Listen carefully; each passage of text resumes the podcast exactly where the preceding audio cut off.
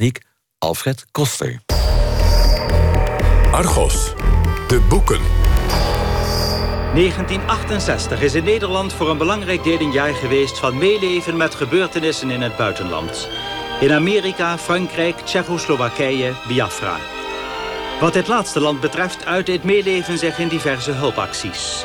Nederlandse artsen, verpleegsters en piloten vertrokken om ter plaatse assistentie te bieden. Het meest vrijgevig kwam Nederland over de brug tegenover de burgeroorlog in Nigeria. Er werd een televisieactie georganiseerd die 13 miljoen opbracht. De regering gaf 2 miljoen aan het Rode Kruis. Daarna volgden nog andere acties die voor een deel nog lopen. Een kleine groep Biafraanse kinderen is naar Nederland gebracht om hier verpleegd te worden. En dat was een fragment uit het jaaroverzicht 1968 van de NOS... over de actie Luchtbrug Biafra.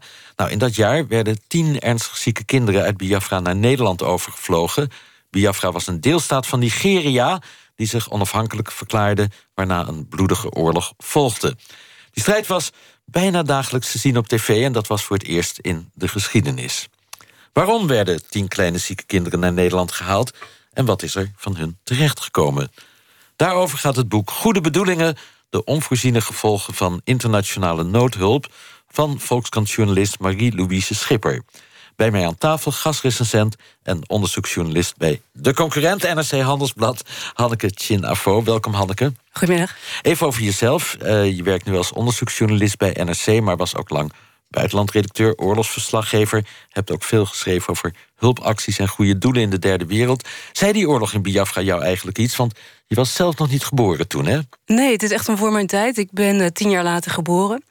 Maar Biafra is wel altijd die ene iconische hulpactie geweest... waar alles mee begon. Hè? De grote buitenlandse uh, hulpacties die Nederland gedaan heeft. Dus het was voor mij altijd een soort magisch woord. Hè? De eerste hongersnood die ik bewust heb meegemaakt... was die in Ethiopië, 85. En, maar toen was het al, oh, een nieuw Biafra. En waarom heeft Biafra zo'n impact gehad in Nederland destijds? Nou ja, het was de eerste uh, uh, hongersnood die groot op tv kwam. En uh, waar iedereen dus ook echt kon, zag wat de, kon zien wat de gevolgen waren.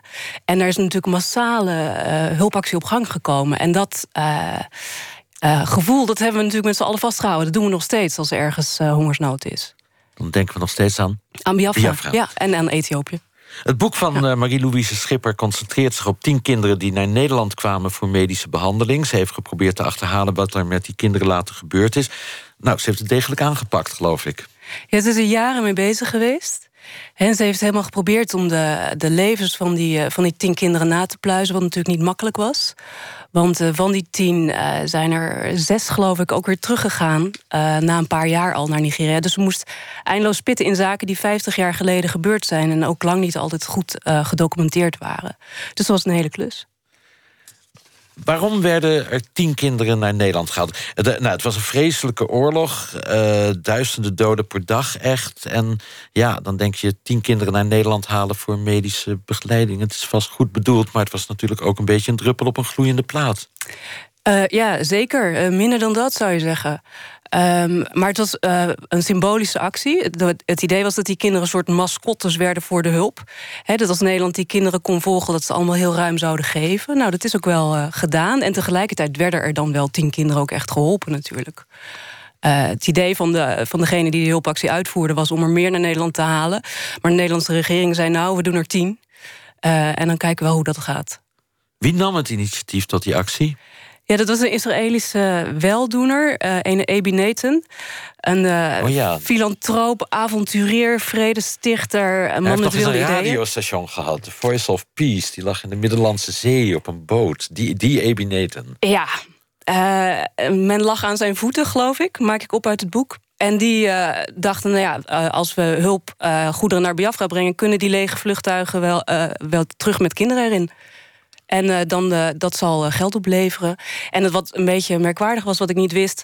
is wat Marie-Louise Schipper schrijft... is dat het idee was, oké, dan doen we... dat levert geld op voor voedsel, maar ook voor wapens... Uh, want Biafra heeft wapens nodig. Het wordt omsingeld door het Nigeriaanse leger. En die uh, had een voedselblokkade aangelegd, waardoor dus uh, de mensen daar omkwamen van de honger. En ze moeten zeg maar een weg naar buiten kunnen vechten. Dus ja, het idee was dat de hulpactie ook bedoeld was om de Biafranen te bewapenen. Of dat ook gebeurd is, dat weet ik niet. Dat maakt niet helemaal op uit het boek. Wat waren het voor kinderen? Hoe werden ze geselecteerd? Ja, nou, heel erg rommelig. Uh, het ging in twee groepjes van vijf. De eerste groep van vijf werd deels door die Ebineten geselecteerd... en door Nederlandse hulpverleners daar. Uh, ja, en ze werden gewoon, twee ervan zijn gewoon letterlijk uit de bush geplukt. Ze gingen op reis om kinderen te zoeken om uh, mee te nemen. En ze stuiten op een groep van 150 kinderen die daar totaal verweest zaten. Nou, allemaal ongetwijfeld met uh, honger uit deenbuikjes. Maar ze moesten wel fit genoeg zijn om die tocht te maken natuurlijk. Uh, dus dat is een moeilijke selectie. Doe je de allerzieligste of uh, degene die nog wel ook levensvatbaar zijn. En toen, heeft, uh, nou, toen ontstond er nog een beetje een ruzietje... om wie het besluit moest nemen. En uiteindelijk werden daar dan twee meisjes van zes uitgevist. En de rest ging een beetje via, via hulp, via weeshuizen en opvangkampen en zo... werden die geselecteerd. Later was er nog een groep van vijf. En die zijn ook door Nederlandse hulpverleners bij elkaar gezocht. De bedoeling was dat ze terug zouden gaan naar Biafra. Dat, dat wilde de Nederlandse regering. Maar ik geloof de. Ja, ik weet niet of Biafra echt een regering had, rebellenleiding of zo. Die, die wilde dat ook. Wat, wat is er met die kinderen gebeurd uiteindelijk, met die tien kinderen? Ja, die zijn heel verschillend terechtgekomen. Uh, de eerste vijf die kwamen, zijn ook met z'n vijf weer teruggegaan naar uh, opvangkampen. Eerst in Gabon en dan later uh, naar Nigeria. En Schipper is ook naar Nigeria geweest om uit te zoeken waar ze gebleven zijn. En van die vijf heeft ze er twee kunnen vinden. Dat zijn nou moeders die een bescheiden leven leiden en redelijk gezond zijn. die tweede groep, dat is een ingewikkelder verhaal. Daarvan zijn er twee in Nederland gebleven. Eén is geadopteerd, de ander niet, maar mocht wel blijven. Dat is een beetje een, rommelig verhaal. Twee daarvan zijn in Nederland gestorven, al snel. En één is teruggestuurd naar uh, eerst Gabon, toen Nigeria. Uh, en is heel kort daarna daar gestorven. En ja, dat was een geval, hè, dat is ook het meest controversiële geval in het boek. Die jongen die had zware epilepsie, uh, zat onder de medicijnen, maar moest toch terug. En ja, waarom en hoe dat besluit precies is genomen, dat probeert Schipper uit te zoeken. Het lukt niet helemaal. Uh, de, de, de, mensen die ze daarover spreekt, die zeiden... ja, dat was nou eenmaal de afspraak. Maar het was wel duidelijk dat de jongen niet zonder die medicijnen kon... en ook gewoon verzorging nodig had. En hij is, ik geloof een half jaar daarna, al uh, gestorven. Dus die had nooit teruggestuurd mogen worden? Nou, je zou zeggen van niet. Kijk, hij ging terug met een zak medicijnen. Hij slikte vijf verschillende soorten pillen voor zijn epilepsieaanval. Terwijl ik uit het boek ook opmaak dat niet precies duidelijk was wat voor soort epilepsie hij had. Dan schreef Schipper in het boek al snel dat drie van die medicijnen dan uh, hem niet meer gegeven werden. Ik denk omdat die niet voorradig waren. En dan vraag je af, kon hij die missen of niet?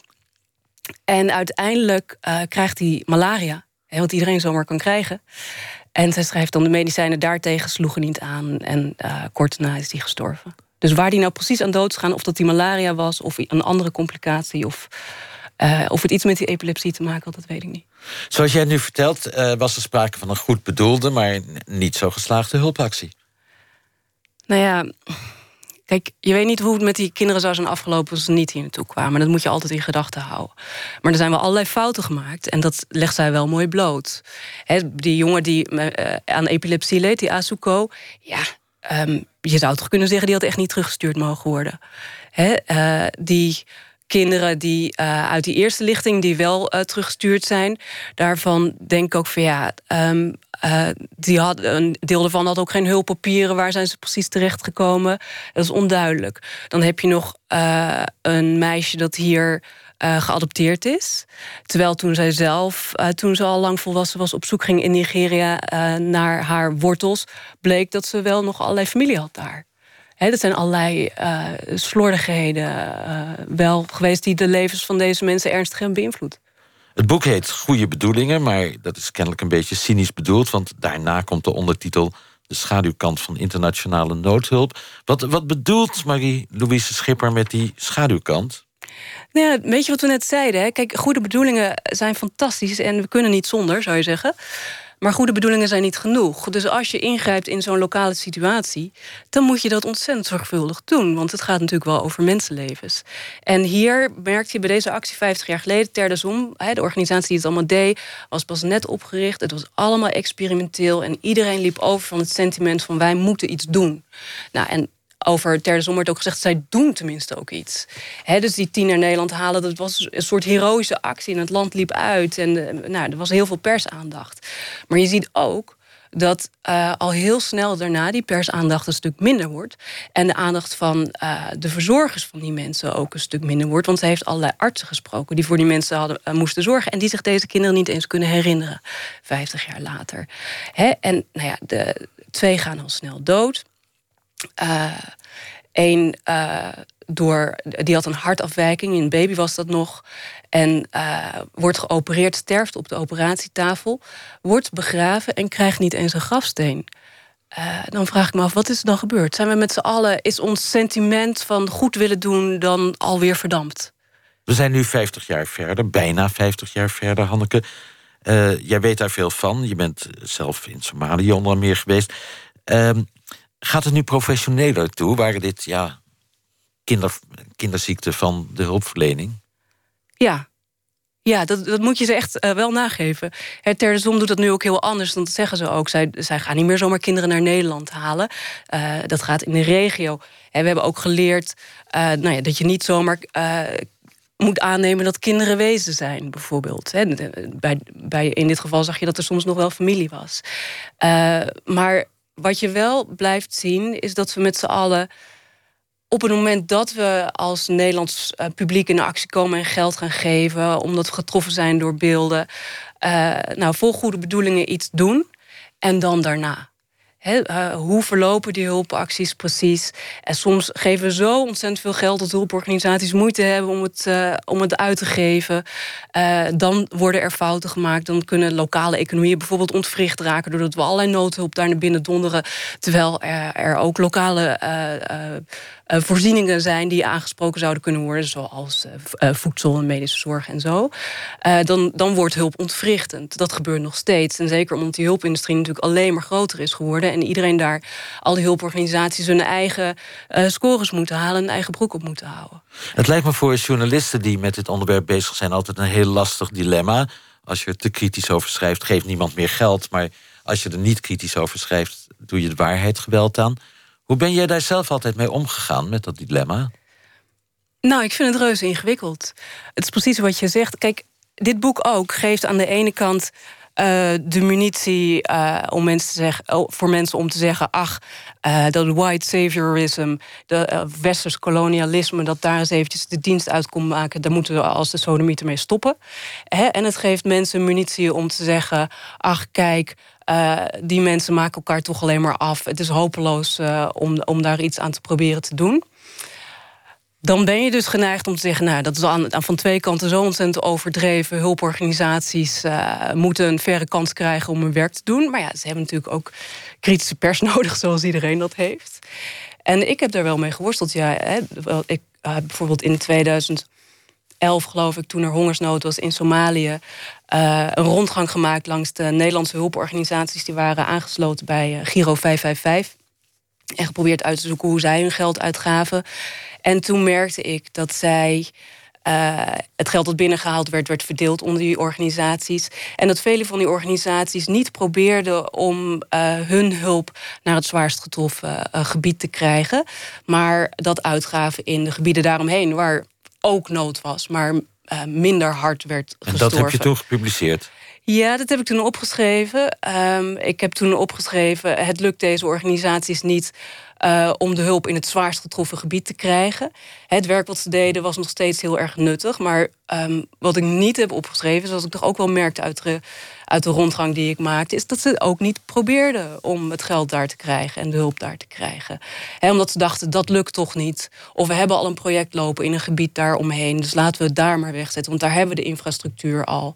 En ik heb er toen erg over zitten dubben van, um, nou ja, hoe hard ga ik, uh, ga ik erin? En uiteindelijk heb ik het zo feitelijk mogelijk opgeschreven, zonder uh, beschuldigende vinger. En achteraf denk ik, ja, uh, had harder gekund, was misschien beter geweest. Dank voor deze boekbespreking. Hanneke Chinafo van NRC Handelsblad. En ze besprak goede bedoelingen, de onvoorziene gevolgen van internationale noodhulp van Marie-Louise Schippers. Meer details over de zoektocht zijn te horen op de dag voor kerst bij OVT. Want daarin wordt het verhaal verteld in het spoor terug. In een reportage van oud-Argos-collega Gerard Leenders. Zondag 24 december om half twaalf is dat. Dit was Argos. NPO Radio 1. Het wordt nu al een historisch overleg genoemd. Boeren, natuurorganisaties en wetenschappers